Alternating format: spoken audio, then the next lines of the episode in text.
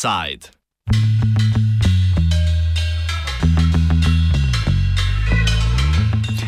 Zelena Evropa, zato zelena Slovenija.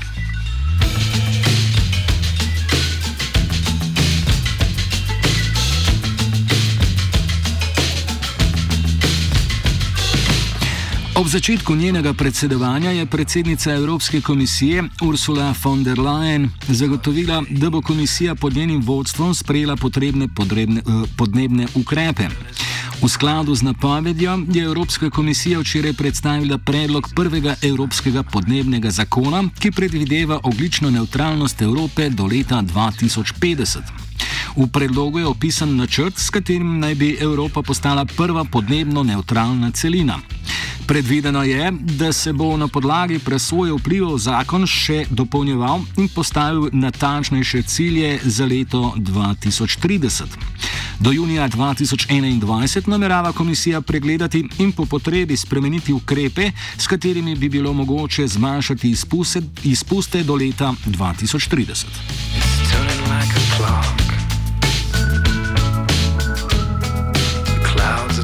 V naslednji točki postopka bo zakon predložen Evropskemu parlamentu in svetu Evropske unije, v katerem so zastopane države članice.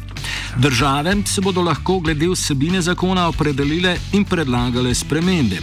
O postopku, ki sledi predlogu komisije, Barbara Kvac, strokovna sodelovka Fokusa, Društva za sonaraven razvoj. Prej eh, mora eh, eh, o tem predlogu eh, se izjasniti eh, države članice in eh, Evropski parlament. Eh, in ko bo ta eh, predlog postal zakon, eh, ga bo eh, začele države članice uporabljati. Um, se, in do takrat, ko bo to sprejeto in bo pač uradno predpis Evropske unije, uh, se lahko še osnutek spreminja. Uh, in čisto uh, ponavadi se spreminja, ne, uh, v, v teh postopkih nikoli ne ostane osnutek uh, um, nespremenjen. Um, in pač odvisno od tega, kako stališče bojo države članice zauzele in kako stališče bo zauzel Evropski parlament. Države imajo nalogo, da določijo potrebne nacionalne strategije za prilagoditev na podnebne spremembe. Po predlogu komisije bo ta leta 2023 prvič preverila, preverila skladnost evropskih in nacionalnih ukrepov s predstavljenimi cilji, na to pa to ponavljala vsakih pet let. Komisija bo v primeru, če ukrepi članic ne bodo zadostni, izdala priporočila za izboljšanje. She's nervous all the time. Na podlagi predlaganega zakona si bo komisija pridržala možnost, da vsakih pet let po letu 2030 spremeni cilje glede zmanjšanja izpustov. Zakon, ki ga je Evropska komisija predlagala, je namreč delegiran akt, kar pomeni, da lahko državljani in drugi deležniki v roku štirih tednov podajo svoje mnenje o osnutku besedila delegiranega akta. Ko pa komisija zakon po posvetovanjih sprejme, imata Evropski parlament in svet Evropske unije dva meseca časa za morebitne ugovore. V primeru, da ugovorov ni, začne tak akt avtomatsko veljati. V parlamentu in svetu Evropske unije tako za sprejetje novih regulacij ne bo potrebno soglasje, kot je navadno v praksi, ampak eh, potrebujejo večino, da ukrep komisije zavrnejo.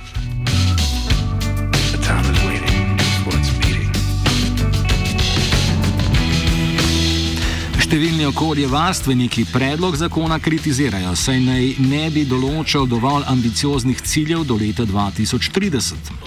Za zdaj je cilj komisije do tega leta znižati emisije za 40 odstotkov, so pa napovedali, da načrtujejo ta cilj zvišati za dodatnih 15 odstotkov. Kot pravi Stane Meše, ki vodi Centr za energetsko učinkovitost, ki deluje pod okriljem inštituta Jožef Stefan, meni, da je potrebno cilje Evropske komisije videti kot še ne do konca definirane. No, če, če prav razumem, pravzaprav niti ne, ne gre toliko na kritiko uh, glede višine cilja, ampak pravzaprav sami cilji še niso izoblikovani. Ne? Evropska komisija se je pravzaprav vzela še nekaj mesecev časa, da naredi podrobnejšo analizo sprejetih nacionalno-energetskih podnebnih načrtov in pa tudi drugih analiz učinkov, kaj bi bolj intenzivni ukrepi pomenili, na podlagi katerih bodo cilji do leta 2040 pravzaprav šele bolj konkretno določeni. Ne?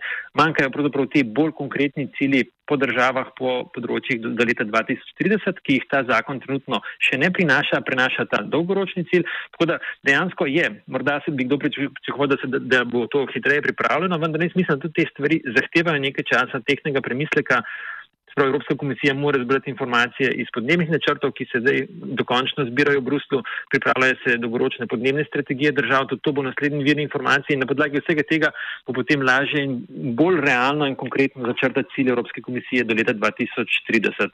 Ne na zadnje bo pa potrebno pripraviti tudi še dodatne ukrepe, kar je tudi načrtovano do leta 2021, se pravi, gre za en sklop zelo intenzivnega procesa, ki ga mora Evropska komisija pelati. Vlada Republike Slovenije je v skladu z uredbo Evropske unije iz leta 2018 pred enim tednom sprejela nacionalni energetski in podnebni načrt. O načrtu, ki do leta 2030 predvideva 27 odstotno znižanje izpustov, natančneje stane Mrše, ki je sodeloval pri sestavi. Slovenija si zadala najbolj, najbolj ambiciozni cilj pri, na področju energetske učinkovitosti. Skratka, tukaj vidimo, da, čim, da želimo biti čim bolj učinkoviti, to je res tisti prvi ukrep. Tukaj eh, želimo, eh, smo si zadali cilj povečanja te energetske učinkovitosti za 35 odstotkov, na področju zmanjšanja emisij toplogrednih plinov zasledujemo cilj eh, vsaj 36 odstotkov do leta 2030 ne, in pa na področju izrabe obnovljivih virov energije, da bi ta cilj bil vsaj 27 odstotni delež v bruto končni rabi energije do leta 2030. No, tako da to so nekje tisti krovni cilji, prav vsi pri vseh imamo pravzaprav predznak vsaj, ne, se pravi, želimo biti tudi bolj ambiciozni, ampak to je tisti minimum, ki ga pa zagotovo moramo doseči. Evropska poslanka Tanja Fajon je mnenja, da je v Sloveniji potreben miselni preskok glede delovanja na področju podnebja in energetike. Za njo nacionalni načrt, ki ga je sprejela še Šarčeva vlada, katere del je bila tudi njena stranka SD, ni dovolj ambiciozen. Ej, um, Slovenija je pred kratkim v Bruselj poslala svoj um, podnebno-energetski načrt. Imeli smo tudi razpravo nedolgo nazaj v pristojnem odboru za evropske zadeve v Ljubljani, na kateri sem sama sodelovala. Zdi se mi, da bi moral biti ta načrt bolj ambiciozen. Pozvala sem tudi, da upam, da so možne še izboljšave. Verjetno bo tudi Bruselj kritično pregledal ta um, načrt Slovenije, ki smo ga posredovali. Namreč um, Slovenija bi lahko, glede na to, da je razmeroma čista država, ima pa svoje izzive, si postavila više cilje. Zdaj mi bomo dobili določen del sredstev iz tega pravičnostnega sklada, ki bo omogočal državam nek um, prehod, pravičen prehod v um, bolj zdravo, zeleno industrijo. Um, tu gre predvsem za to, da bomo lahko urejali, če bo več denarja, doline kot je um, Anhovo, Soška dolina in, in um, Šaleška dolina, kjer imamo največje izzive. Um, v Sloveniji v tem programu, ki smo ga poslali, pa ni nekih bolj ambicioznih zavez, ko gre za vprašanje recimo prihodnje jedrske energije v Sloveniji, krške nuklearke, drugega bloka, hidroelektraren in tako naprej. Mrše o tem, kako naš program posodobiti in s katerimi problemi se sooča Slovenija. Če želimo pospešiti naš prehod, moramo seveda pospešiti aktivnosti, da bomo lahko dejansko uh, speljali projekte, ki so ta hip pravzaprav zašli v reko eno težavo, predvsem pri umeščanju v prostor. Se pravi, glavni cilj uh, našega programa je pravzaprav ta, da bi v naslednjih desetih letih ne, vzpostavili pogoje v Sloveniji, da bi lahko prišlo do hitrejše realizacije projektov, ki so potrebni za dekarbonizacijo v Sloveniji. Ne. Tukaj imam predvsem v mislih za hitrejše umeščanje projektov za izkoriščanje obnovljive energije, kot so hidroelektrarne, veterne elektrarne, tudi sončne in druge elektrarne. Ne. In pa seveda za iskanje alternativ za nadomestitev fosilne proizvodne v Sloveniji. Ne? Tukaj imamo seveda cilj uh, po že nepan. Ima ambiciozen cilj po zmanjševanju uporabe premoga v Sloveniji.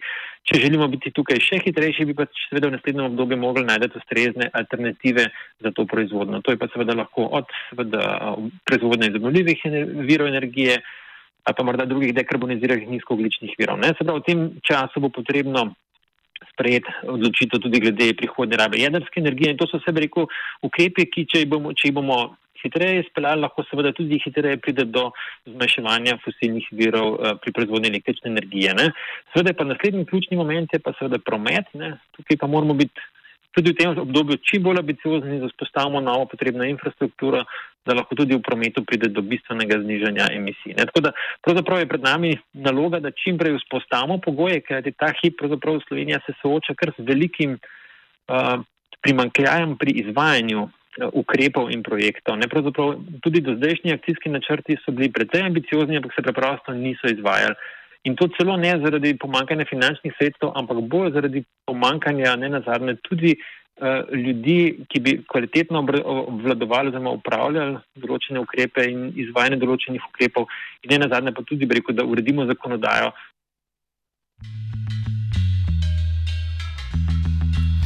Pomemben del zelene politike nove Evropske komisije je tudi tranzicijski sklad, ki naj bi pomagal evropskim regijam, v katerih eh, se prebivalci primarno ukvarjajo z gospodarskimi panogami, ki so jim bolj okoljsko prijazni, bolj eh, okoljsko prijazni Evropi šteti dnevi. Gre predvsem za rudarske regije v Nemčiji in na Polskem, kjer je premog še vedno najpomembnejši energent pri proizvodni elektrike. Več o tranzicijskem skladu Tanja Fajon. Govorimo, Evropska unija zdaj um, še vedno končuje pogajanja o prihodnji finančni perspektivi in koliko sredstev bo na voljo. En velik um, zajeten del te evropske skupne blagajne bo namenjen ravno um, solidarnostnemu prehodu v, v zeleno industrijo, v zeleno energijo in koliko sredstev bo na voljo, um, morajo države članice se še sporazumeti. Je pa ta sklad na vsak način, ki, je, um, ki bo zagotavljal državam pomoč, ključen. In tu bo Slovenija dobila velik del sredstev, ki bo na voljo, mislim, da nekaj več kot 90 milijonov um, za tista najbolj prizadeta območja v Sloveniji, kjer imamo staro, tudi premogovniško industrijo in del eh, tega bo tudi financiran z kohezijskimi sredstvi. Slovenski nacionalni energetski in podnebni načrt se zaenkrat kaže kot premalo agresiven v primerjavi z evropskimi predlogi in se ga bo moralo v več zadevah izboljšati, če želi dohiteti cilje komisije.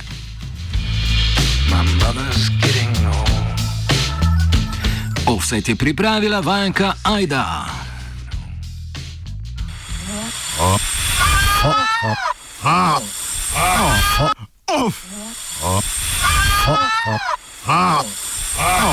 Offside.